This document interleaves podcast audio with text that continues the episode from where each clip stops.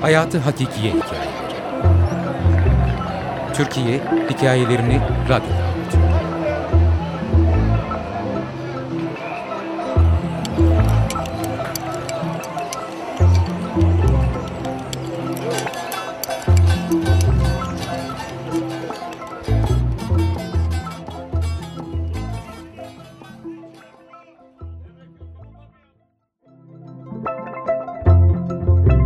Ben buradayım.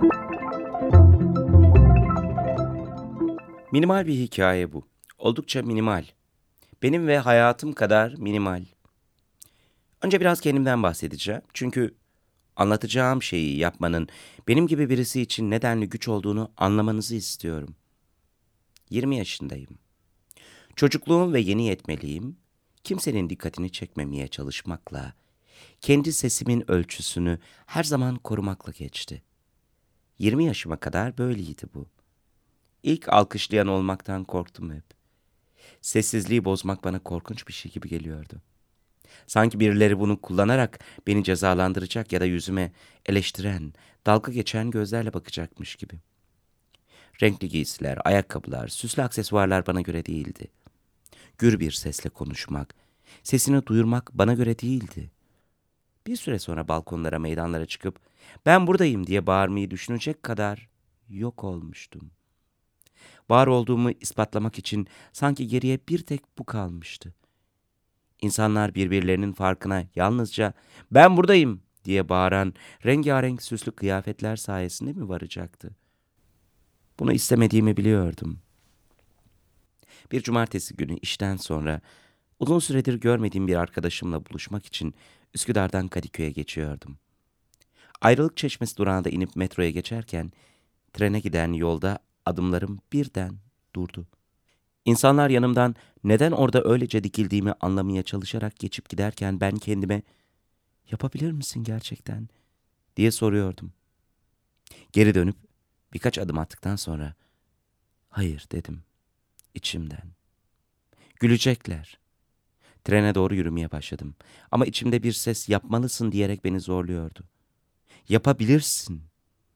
Tekrar geri dönüp heyecandan titreyen kalbimi gizlemeye çalışarak onun yanına gittim. Parçasını bitirdikten sonra kulağına eğilip bir şarkıda eşlik edip edemeyeceğimi sordum. Tabii yanıtını aldım. Bu sefer yapacaktım. Ben buradayım diyebilecektim en çok kendime. Eleştiren gözleri umursamayacak ve kendi dünyamdaki sessizliği kendi sesimle bozacaktım. İkimizin de bildiği bir şarkı bulup birlikte söylemeye başladık. Mevsim rüzgarları ne zaman eserse o zaman hatırlarım çocukluk rüyalarım şeytan uçurtmalarım. İnsanlar yanımızdan gelip geçerken gitar kılıfının üzerine gönlünden geçeni bırakırken gülümsüyor. Sanki beni daha önce görmüşler ve yeniden görmekten mutluluk duymuşlar gibi yüzüme bakıyordu. Demek ki önemli olan herhangi bir şekilde var olmak değildi. Kendin olarak var olman gerekiyor ve kendin olarak var olduğun zaman kimse seni çirkince eleştirmiyor, kızmıyor, cezalandırmıyordu. Birlikte birkaç şarkı daha söyleyip teşekkür ettikten sonra hangi günler gelip burada çaldığını ve daha sonra tekrar gelip gelemeyeceğimi sordum. Tekrarlayan haftalarda birkaç kez daha yanına gittim ve bir süre sonra gitmeyi tamamen bıraktım. Onu rahatsız etmek için orada olduğumu ya da kazancına ortak olmak istediğimi düşünebilirdi.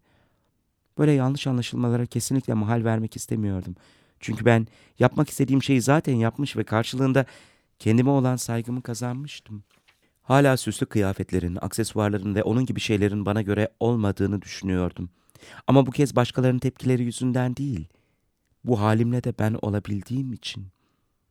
Soluk renkli bluzlarımla, makyajsız yüzümle, sıradan görünüşümle de kendim olabildiğim, var olabildiğim için. Eğer bir cumartesi günü saat dörtten sonra yolunuz ayrılık çeşme durağına düşerse ve güzel sesiyle, gitarıyla, yanında bir şişe suyla o arkadaşı görürseniz ona gülümseyerek ve teşekkür eden gözlerle bakın. Çünkü şimdi okullar da dahil olmak üzere hiçbir yerde kendin olarak var olmanın eğitimi verilmiyor.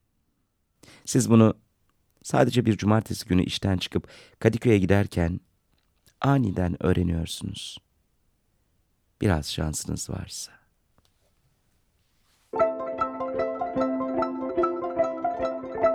Ben buradayım. Yazar Hatice Ramazanov, editör Melisa Kesmez, okuyan Eraslan Sağlam.